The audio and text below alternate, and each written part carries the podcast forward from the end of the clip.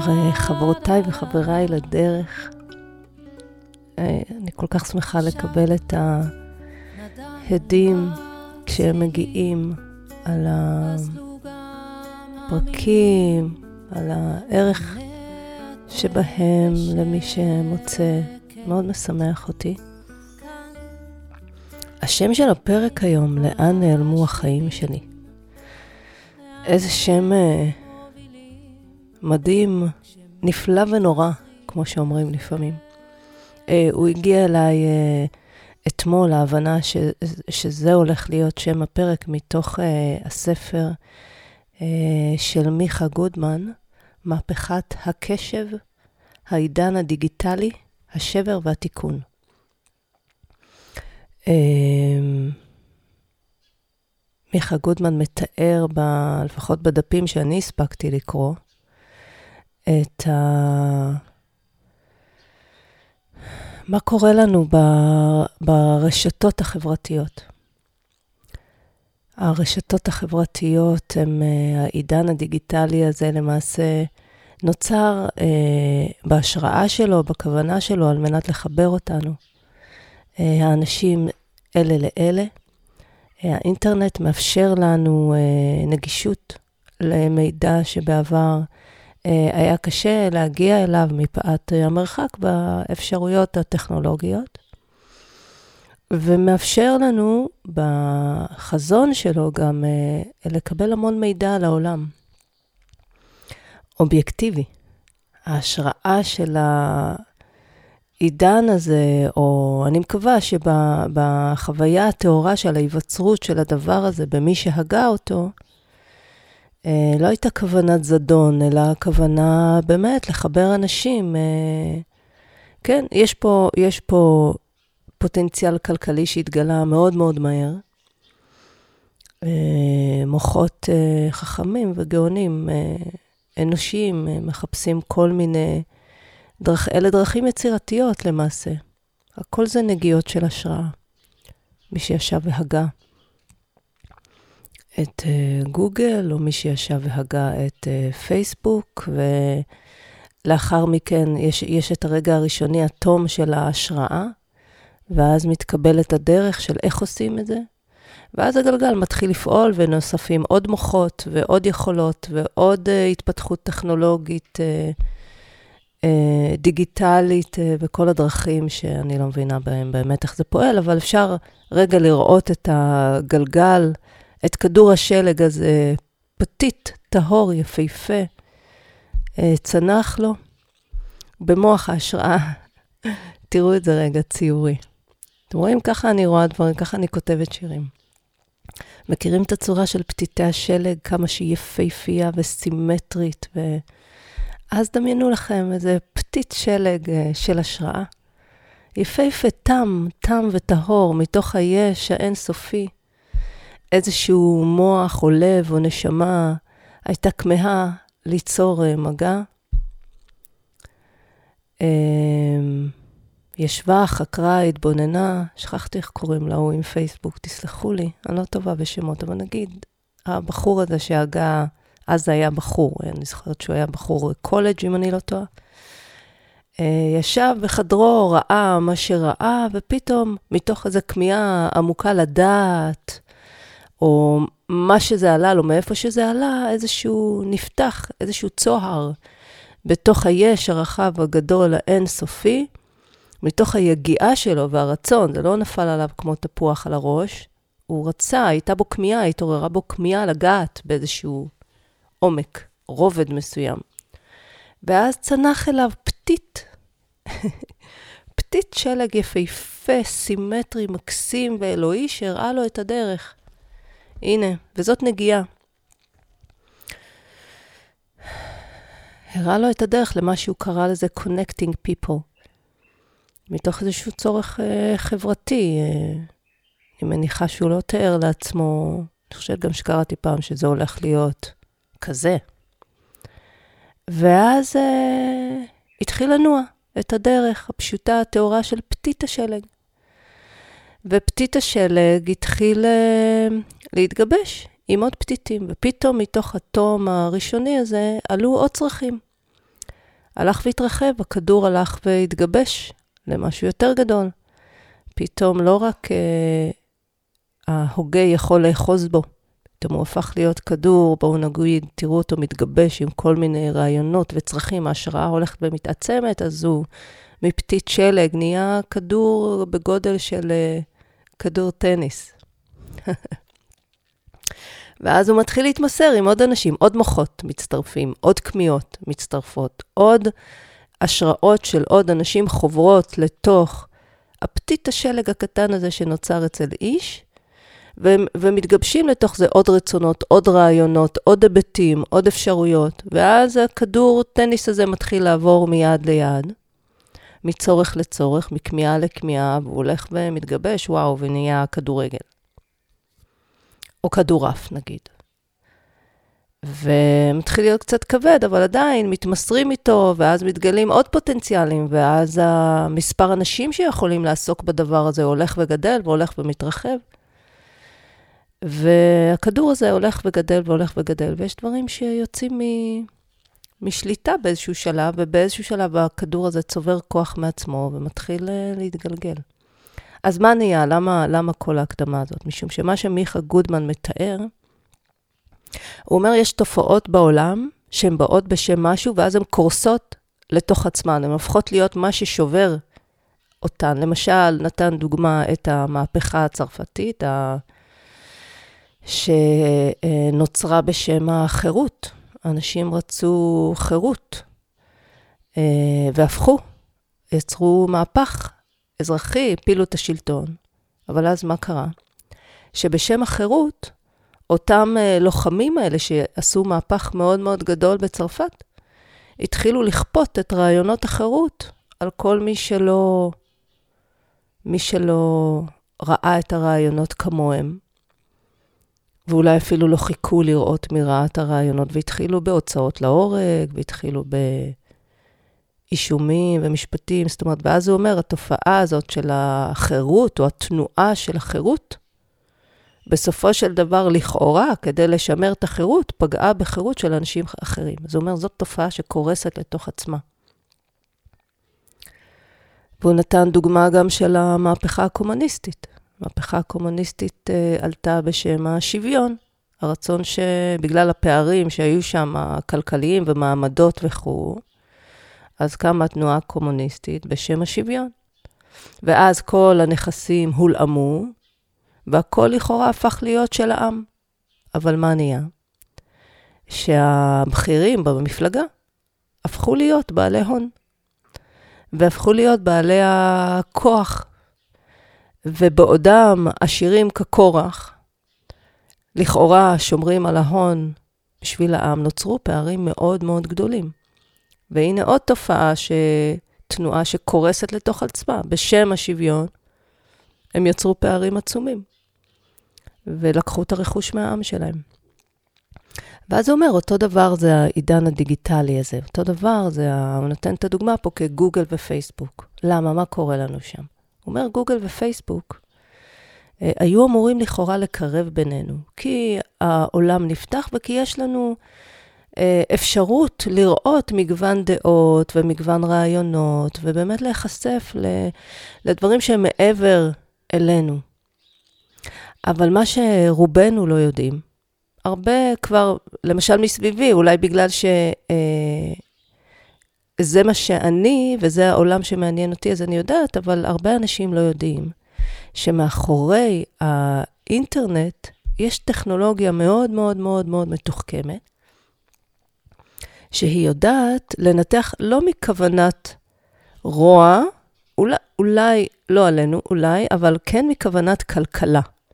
מכוונת כלכלה, תכף אני אסביר למה, ומכוונת כסף, התעשייה הזאת יודעת לנתח מהם תחומי העניין שלי, מתוך הקליקים שאני עושה על פוסטים, מתוך המנועי חיפוש שאני משתמשת בהם, במילות חיפוש שאני משתמשת בהם בגוגל. אה, בכלל, כל הגלישה, איזה חומרים אני אוהבת ביוטיוב, איזה חומרים, באיזה אתרים אני גולשת, אה, איזה פוסטים אני יותר אוהבת, והתעשייה הזאת מתחילה מתחילה. מיד, ברגע שאנחנו פעילים באינטרנט, התעשייה הזאת מתחילה לשלוח אליי את התכנים שאני מעדיפה. זאת אומרת, אם אני אעשה מילת חיפוש אהבה, ואדם שהעיסוק שלו הוא במיניות, מעניין אותו נושא המיניות, נגיד, נגיד אני אהבה, אז מעניין אותי הצד הרוחני, המיסטי, האהבה האחדותית, האיחוד עם אלוהים, אלוהות בכלל, ויש מי שכשהוא אומר אהבה, אז הוא מתכוון או לפורנו, או למיניות, או לתחומי עניין אחרים. אז כשאני אקיש בגוגל אהבה, יעלו התכנים שמעניינים אותי. כשגוגל כבר יודע שאני, נגיד, מחפשת. אה, איך עשיתי לי עכשיו? אה, לא, אני לא מחפשת פורנו. איזו הצהרה. ו- ומצד שני, אדם שיותר מעניין אותו התחום האחר של אהבה, אז יעלו לו האתרים או החומרים או המאמרים שהוא מתעניין בהם. עכשיו, למה הם עושים את זה? מה, מה מדאגת רווחתה של ניבה? הם רוצים לסנן לי? הם, הם עושים לי שיהיה לי יותר קל בעולם? לא. משום שהם סוחרים במשאב, שהתרבות שלנו מעולם לא העריכה אותו כמשאב בעל ערך, וזה תשומת הלב שלנו. כן, תשומת הלב שלנו. תשומת הלב שלנו היא הדבר שמתקיים בהווה. אה, למעשה כל המדיטציות, הכוונה שלהם היא לתרגל את התודעה, שהיא תשומת הלב שלנו, להיות ברגע הנוכח. כשאני מתרגלת אה, אנה פאנה, נגיד הוויפסנה מתחילה בשלושה ימים של אנה פאנה. אנה פאנה זה התבוננות בנשימה. האובייקט היחיד שאני אמורה להיות עסוקה בו, זה הנשימה דרך זה שאני מכוונת את התודעה שלי לאזור האף, ומתבוננת באוויר נכנס ויוצא. תנסו את זה רגע. תנסו את זה להתבונן פשוט בנשימה נכנסת ויוצאת. עכשיו, מה זה התודעה שלנו? זה כל מה שאנחנו חושבים ומרגישים, כל, הבלה, בלה, כל המרחב של ההגייה מכל סוג שהיא שאנחנו נמצאים בו. אה, ולרוב היא אוהבת להיות בחוץ. מה זה בחוץ? היא אוהבת לחשוב, היא אוהבת uh, להיות במה היה לי אתמול, והיא אוהבת להיות במה יהיה לי מחר, והיא אוהבת להיות בכל, במחשבות וב... uh, uh, איך לפתור בעיות, ומה אמרתי לזה, ואיך עשיתי את זה. היא כל הזמן עסוקה באין סוף uh, פרטים. עכשיו, תנסו באמת לשבת אפילו דקה. שימו לכם סטופר. תעשו את התרגיל הזה מתישהו. שימו לכם סטופר של 60 שניות. שבו לכם בשקט ותמקדו את התודעה רק בנשימה. תתבוננו רק באוויר נכנס ויוצא מהאף שלכם. אני מבקשת שמי שיכול, תעדכנו אותי אם הצלחתם. אלא אם כן אתם באמת אה, מודדים כבר של תקופה ארוכה, אז, אז אה, זה אפשרי. אז התעשייה הזאת סוחרת בתשומת הלב שלנו. היא סוחרת בהווה שלנו. המשאב הזה הפך להיות כל כך יקר מבחינת התעשייה. עכשיו, למה? זה נראה לנו כאילו הכל חינם. לא, זה לא חינם. התשומת לב שלנו היא משהו שאנחנו מעניקים מתנה לרשתות האלה, כדי שמפרסמים יוכלו לעשות שימוש. זאת אומרת, הם מכוונים אלינו את הפרסומות בהתאמה למה שאנחנו צורכים. הם יודעים גם איפה להשחיל אותם. יש את האלגוריתם, כולנו שמענו את השם הזה אלגוריתם, שאני גם לא מבינה איך עושים את זה, אבל יש איזשהו, יש איזה שהם או דרכים לאבד את הנתונים בצורה כזאת, שהם גורמים לי פשוט להיות מרותקת למסך, זה התמכרות, מפתחים אצלנו התמכרות למסך. מפתחים אצלנו התמכרות לפייסבוק, מפתחים אצלנו התמכרות לוואטסאפ, לגוגל. וואטסאפ אנחנו עם פחות פרסומות, אבל זה הופך להיות איזשהו כלי שממקד אותנו למסך. ומהתרגלות למסך, אם אני כבר בוואטסאפ, בואו נסתכל רגע בפייסבוק. בואו נראה מי עשה לי, מי, מי ראה אותי בסטורי, כמה לייקים עשו לי, במיוחד אנשים שמפרסמים, נגיד כמוני. אז יש תמיד את הכמיהה הזאת להסתכל, בואו נראה מה קורה שם. אה, אז הם סוחרים בתשומת הלב שלנו. עכשיו, נגיד שאנחנו אומרים, אוקיי, אז אני אתן להם את התשומת לב שלי, אבל בינתיים הם אה, חושפים אותי לעולם חדש, והם מקרבים אותי לאנשים שאני לא רואה, אז זה לא נכון. אולי במידה חלקית כן, אבל מה הם עושים? מה שהם עושים זה הם למעשה מבודדים אותנו. הם מבודדים אותנו משום שהם יודעים שני דברים. אחד, הם יודעים שיש נטייה, קוראים לזה הטיית אישור. יש נטייה לאנשים לדבוק באמונות שלהם. יש נטייה אה, לנו כבני אנוש אה, לחפש את מה שמאושש את מה שאנחנו מאמינים בו, ולהימנע מלפגוש אה, דעות אחרות. עכשיו, אה, אה, הם עשו מחקר, אה, הוא מתאר בספר איזשהו מחקר שעשו בארצות הברית לפני 50 שנה, כששאלו אמריקאים אה, שתי שאלות. אחד, אה, איך היית מרגיש אם, אה, האם היית מתנגד אם הבת שלך הייתה מתחתנת עם מישהו מהגזע אחר, ערבוב שחורים לבנים, ושתיים, מה מידת ההתנגדות שלך לדעות של המפלגה הנוגדת את דעותיך. ואז, לפני 50 שנה, 50 אחוז ענו ש... הם מתנגדים לנישואים מעורבים, ועשרה אחוז ענו שהם מתנגדים, רק עשרה אחוז שהם מתנגדים למפל... ל... לשמוע דעות אחרות משלהם. כאילו, הם מקבלים יותר בסובלנות את הדעות של המפלגה האחרת. והוא עשה את המחקר הזה גם ב-2020 או 2021. 2020, סביר להניח. אה, במאה ה-10, ב-2020. בואו נשאיר את זה ככה. הוא עשה לא מזמן את המחקר הזה שוב. אמ, ו, ואז הוא שאל את אותן שאלות. והפעם, רק עשרה אחוז ענו שהם מתנגדים לנישואים מעורבים, זאת אומרת, הייתה התפתחות בסובלנות החברתית הזאת, אבל 50 אחוז ענו שהם מתנגדים נחרצות לדעות של המפלגה הקודמת. זאת אומרת, שמבחינה פוליטית, הקיטוב בינינו הלך וגדל, וגם אנחנו רואים את זה פה בישראל. שה... ה... לא קרב בינינו באמת האינטרנט, משהו צף, משהו נהיה מאוד מאוד uh, מקוטב וקשה, ואנחנו uh, למעשה לא מבינים למה, כי אנחנו אמורים הרי להיות מחוברים יותר, אנחנו אמורים להיות יותר סובלנים, כי יש לנו את כל האפשרות חשיפה הזאת. ואז הוא אומר שני דברים. אחד, זה שאין לנו סבלנות לדעות של מישהו אחר,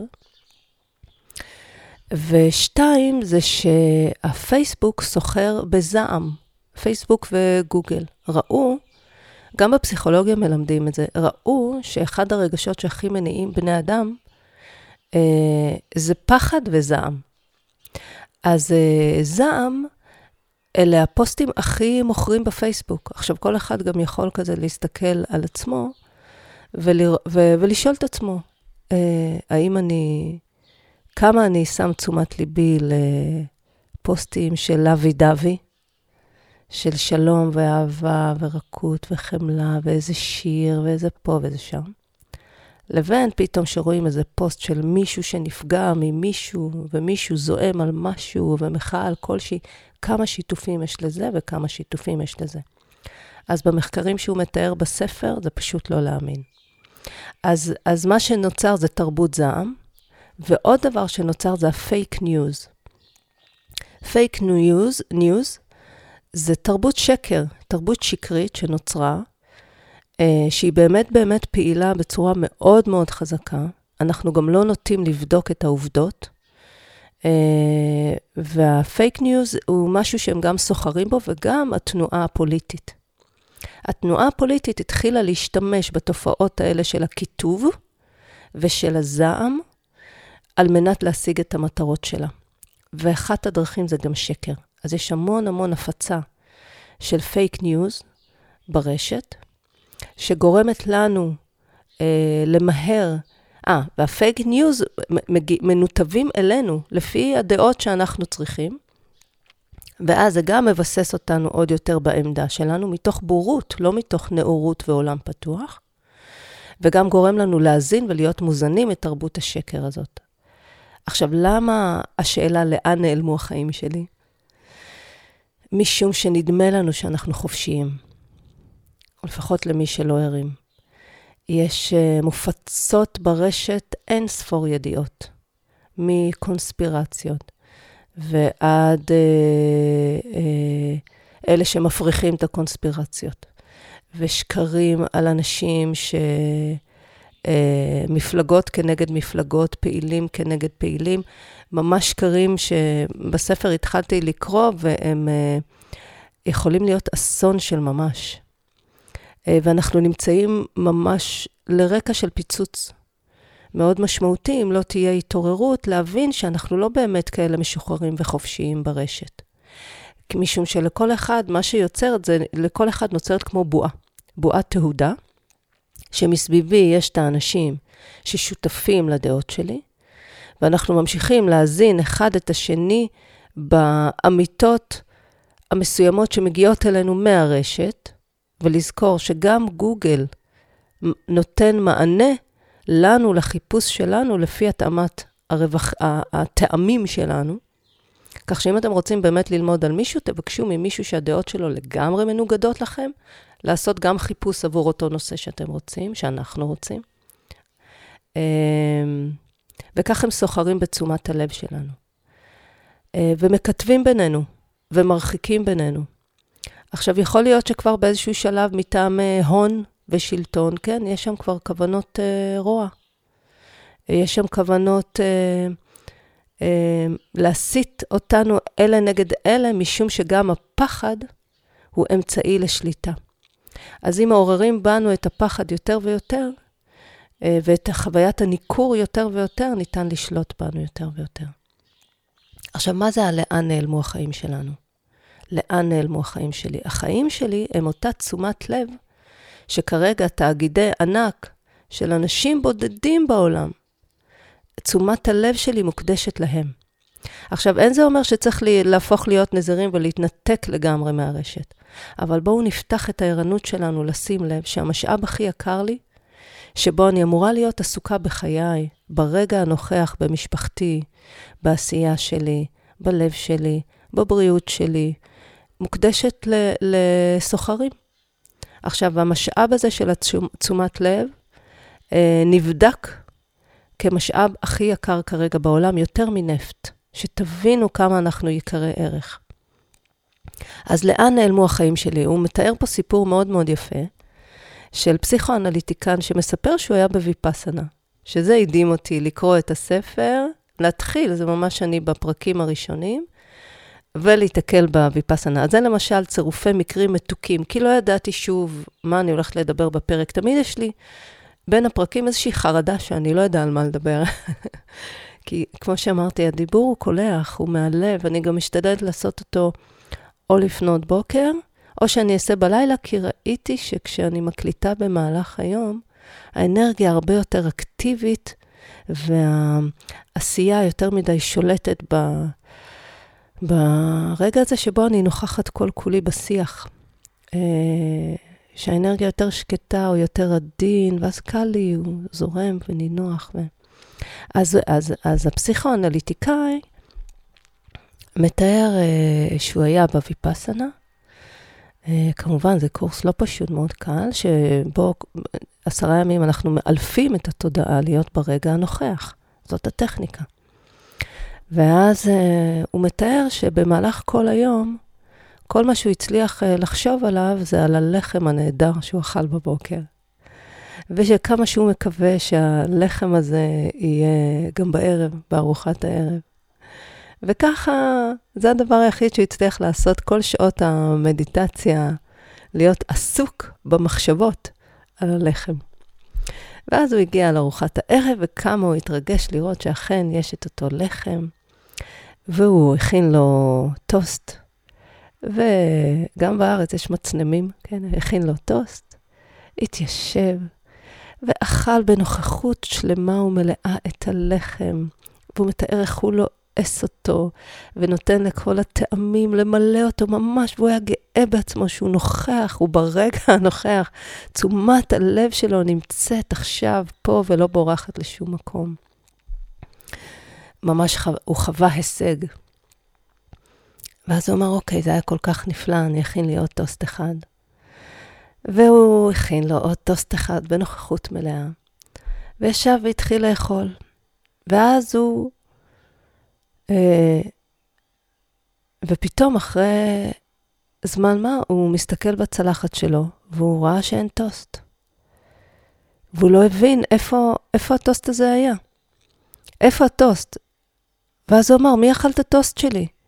ואז עלתה בו השאלה, לאן נעלמו החיים שלי? כי כבר כשהוא היה בטוסט השני, הוא כבר לא היה בהתפעמות, הוא כבר היה במחשבות שלו, היו במקום אחר, והוא לא קלט שהוא סיים לאכול את הטוסט. אז אני מניחה שכולנו מכירים חוויות כאלה. כמו למשל הכי פשוט, זה שאנחנו נוסעים מנקודה לנקודה, ופתאום, לי יש חוויה כזאת, שפתאום אני אומרת, יואו, איך הגעתי לפה? כי הייתי עסוקה במחשבות, לא זכרתי את כל הדרך. אז uh, לאן נעלמו החיים שלי? מה קורה לנו כשאנחנו לא נמצאים בחוויית הרגע הנוכח? Uh, מה קורה לנו כשאנחנו כל הזמן עסוקים במחשבה על העבר ועל העתיד? למעשה אלה גם גורמי סבל uh, אנושי. משום שכשאנחנו נמצאים ברגע הנוכח, תשומת הלב שלנו נמצאת ברגע הנוכח, עכשיו אני מדברת, עכשיו אני אוכלת, עכשיו אני מטאטא את הבית, עכשיו אני שוטפת כלים. תנסו את זה. זו חוויה מאוד מאוד משמעותית, ממלאה בשלווה, הנוכחות של הרגע הזה. למעשה, מטרת המדיטציה היא להרחיב את חוויית הנוכחות שלנו ל-24 שעות ביממה. זה היוגי. היוגי זה לא זה שעושה יוגה, היוגי זה זה שחי ערנות והתבוננות 24 שעות ביממה. אז נכון, אנחנו, יש לנו המון אירועי חיים, ואנחנו לא יוגים על, uh, במנזר או על הר או באיזה uh, uh, מקום סטרילי. יש לנו המון המון המון גירויים. Uh, ומדיטציה היא אחת הדרכים להתחיל ולהכניס, התרגול פשוט. יש אנשים שאומרים לא צריך מדיטציה, אוקיי, אז אומרים, אבל מדיטציה היא פשוט דרך לתרגל להגיד לאנשים, תהיה ברגע הנוכח. טוב, מה זה אומר? אפשר המון רעיונות להגיד בצורה פילוסופית, תהיה ברגע הנוכח. נו, בסדר, אבל איך עושים את זה? אז הדרך של מדיטציות וגם יוגה, ו... זה דרכים שמאפשרות לנו להבין ברמת החוויה מה זה אומר באמת להיות ברגע הנוכח. ולפעמים אנשים מתבלבלים בין מחשבות נאורות לבין הרגע הנוכח, כי גם לחשוב מחשבות נאורות וגם uh, להגות מחשבות נאורות, זה לא תמיד הרגע הנוכח. הגבול הדק שבין מחשבות נאורות לבין הוויה טהורה, הוא יכול להיות מאוד מתעתע. בהתחלה זה גבול גס, כי אנחנו יודעים להגיד, אוקיי, לא הייתי פה, לא הייתי פה. אבל עם הזמן, גם ככל שאדם הולך ומתפתח בדרך הרוחנית, הגבול נהיה מאוד מאוד דק וחמקמק. אז הדרך לתרגל מדיטציה ויוגה וכל אפשרויות הריכוז העמוקות האלה ברגע הנוכח, היא מאפשרת לנו כל הזמן להיות ערנים כדי לא להתבלבל. מה התוכן שבא אליי מתוך הבלבלה, והאם אני פועלת מתוך הרגע הנוכח. ולפעול מתוך הרגע הנוכח מחבר אותנו גם לחוויה, לידיעת המסתורין. הוא מחבר אותנו בכלל לאורח חיים שהוא אחר לגמרי, שהוא בא מתוך התבוננות וקשב טהור, ולאפשר לדברים להגיע אלינו צעד צעד, אה, כדי לפעול מתוך מקום אה, מדויק ומתוך הקשבה עמוקה לעוד רבדים, שהם לא רק ביגיעת המוח. אני חושבת שדיברתי את זה פעם. אז לאן נעלמו החיים שלי בזמן שאני עסוקה במחשבות על מה היה ועל מה יהיה? אה, ותרגיל קטן, תרגיל קטן. תרגיל קטן לחיים. שימו לב מעכשיו, איפה אתם? ברגע, כשהחיים קורים, החיים קורים רק בהווה. מה שהיה בעבר היה, והשאיר בנו משקעים או לא השאיר משקעים, אבל הוא היה. גם אם אני רוצה לתקן משהו שהוא היה בעבר, אני יכולה רק מעכשיו, נכון? אני יכולה להגות, אני, אני, מחר אני אתקשר ואני אדבר איתה. אני יכולה להגות את זה, אבל הידיעה הזאת באה מתוך העכשיו. לא תמיד עכשיו אני יכולה, כשעולה היגיעה הזאת, אולי אני בעבודה, אולי היא לא נמצאת, אולי לילה. לא מדובר על להתחיל להטריד את הסביבה באימפולסיביות של הרגע הנוכח. מדובר לאותה הקשבה והבנה. את העבר אני לא יכולה ללכת לעבר לתקן, אני יכולה רק מהיום. מהיום, מהיום, כל רגע ורגע מחדש. ובעתיד אני לא יכולה לפעול, אני יכולה רק לפעול היום, אולי גם למען העתיד בכמיהה, אבל רק הרגע הזה קיים. אז זהו לעת עתה מהעניין הזה. אה, ולאן כל זה היה קשור ל, לרשתות? אני רוצה רק לחבר את זה.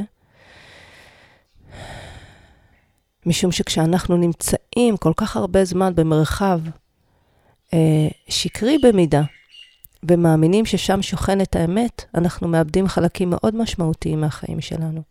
ושוב, זה לא אומר להימנע לגמרי, אבל לפחות להיות ערנים שיש מישהו שסוחר בתשומת הלב שלנו. עכשיו, אני בתור אדם שמפרסם בפייסבוק, אני עושה קידומים, גם בגוגל וגם בפייסבוק, לסדנאות, שירה שאני עושה, אה, למעגל התקדשות, לה... אני אישית, אה, אדם שמשתמש בתשומת לב, במשאב הזה של תשומת לב של אנשים, לפחות אני משתמשת בו אה, בלב שקט, כי אני יודעת שאני רוצה להעניק משהו מאוד מאוד טוב. אבל באיזשהו מקום זה יכול לעורר איזשהו דיסוננס, משום שאני נותנת כסף לארגונים שעושים גם שימוש לרעה. אה, אז אני שאיפה שא', אני רוצה להגיע לעוד הרבה אנשים, וזאת המציאות של היום, והלוואי ויבוא היום שאני לא אצטרך לעשות כלום, ואני אוכל אה, אה, לחיות, להתפרנס אה, ולהעניק, הלוואי ואני לא אצטרך יותר בחיים להתפרנס, אבל להעניק מהטוב, לפחות, לפחות להשתמש בזה כטוב. אה, אולי אם יותר ויותר אנשים יבינו את הערך, או ייזכרו בערך של הכלים האלה, הדיגיטליים, הם מדהימים, ולא יעשו בהם שימוש לרעה, אז באמת נוכל להתחבר יותר ולהרחיב את הדעות שלנו. אבל לפחות תהיו ערים לחיפוש ולידיעה שמה שאנחנו רואים שם זה לא בהכרח האמת.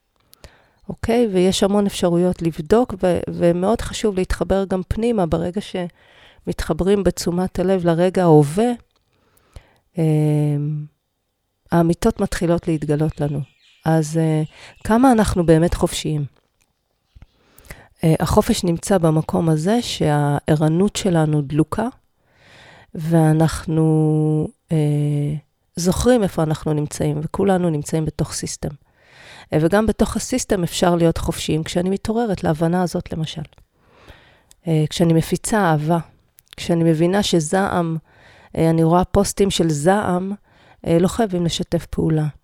אני רואה אה, עדויות על, אה, על אה, מישהו או דמות שאני לא אוהבת, ואני רואה מסר עליו שלילי שמחזק את החוסר האהבה שלי בו, לבדוק את עצמנו עוד קצת, לא למהר, להאמין שמה שיש ברשת הוא אמיתי.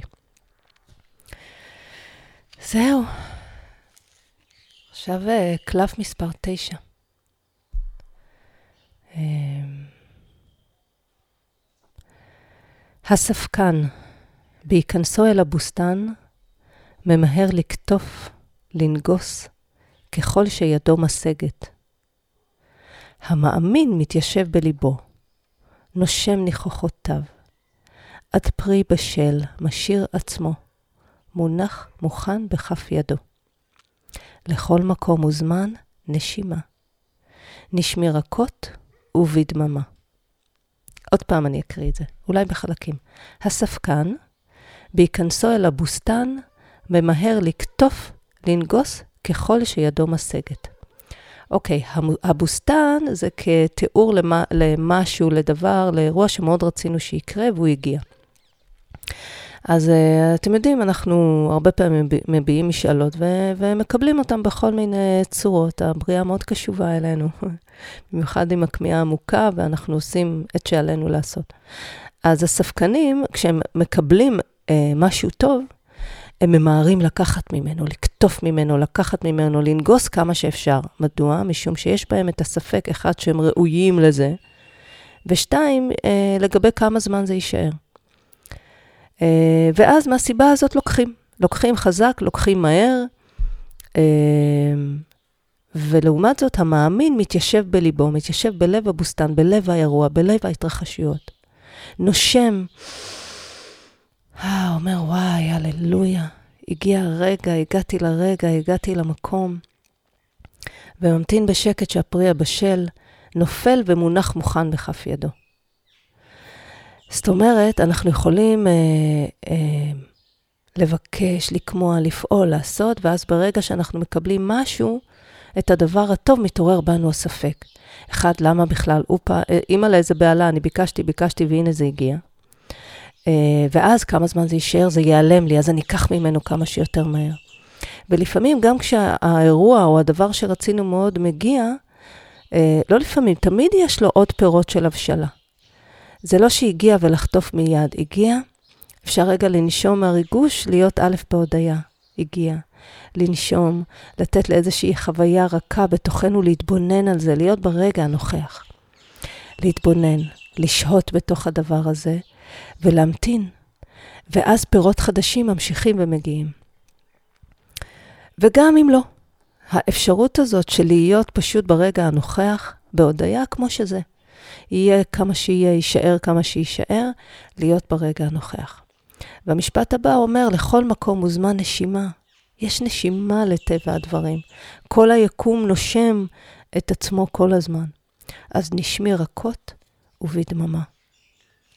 אז אה, אפשר ככה לראות בעיני רוחנו את, ה, את מהו הדבר אה, שהיום אני כמהה אליו ברגע הזה, או מה הדבר שאני פועלת אליו כבר זמן מה. אה, ולזכור ולהיזכר אה, לשים איזושהי ערנות כשהדבר הזה ילך ויבשיל על כל הצורות שלו. יש, אנחנו יכולים להגות משהו והוא יגיע בצורה מפתיעה. אז כשיגיע לנשום, אם עולה ספק, רק להתבונן בו, לא לדחות, זוכרים שמהוויפסנה אומרים, לא להיות בתחייה ולא להיות בהשתוקקות.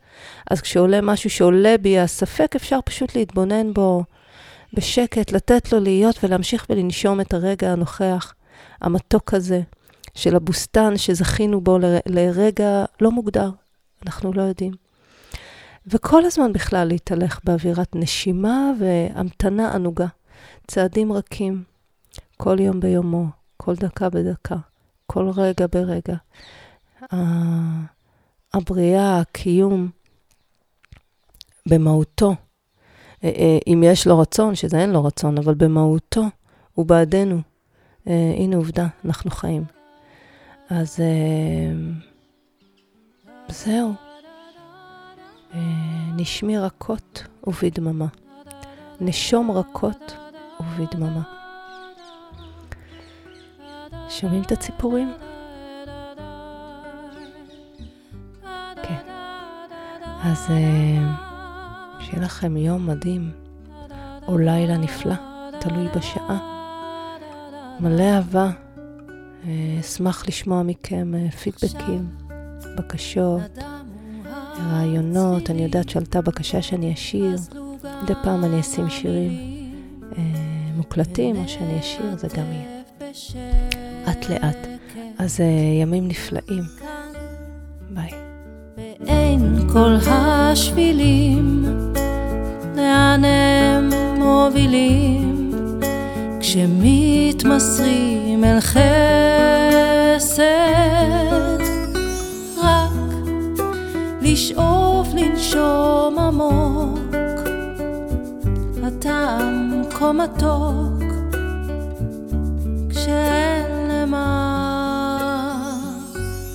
Yeah.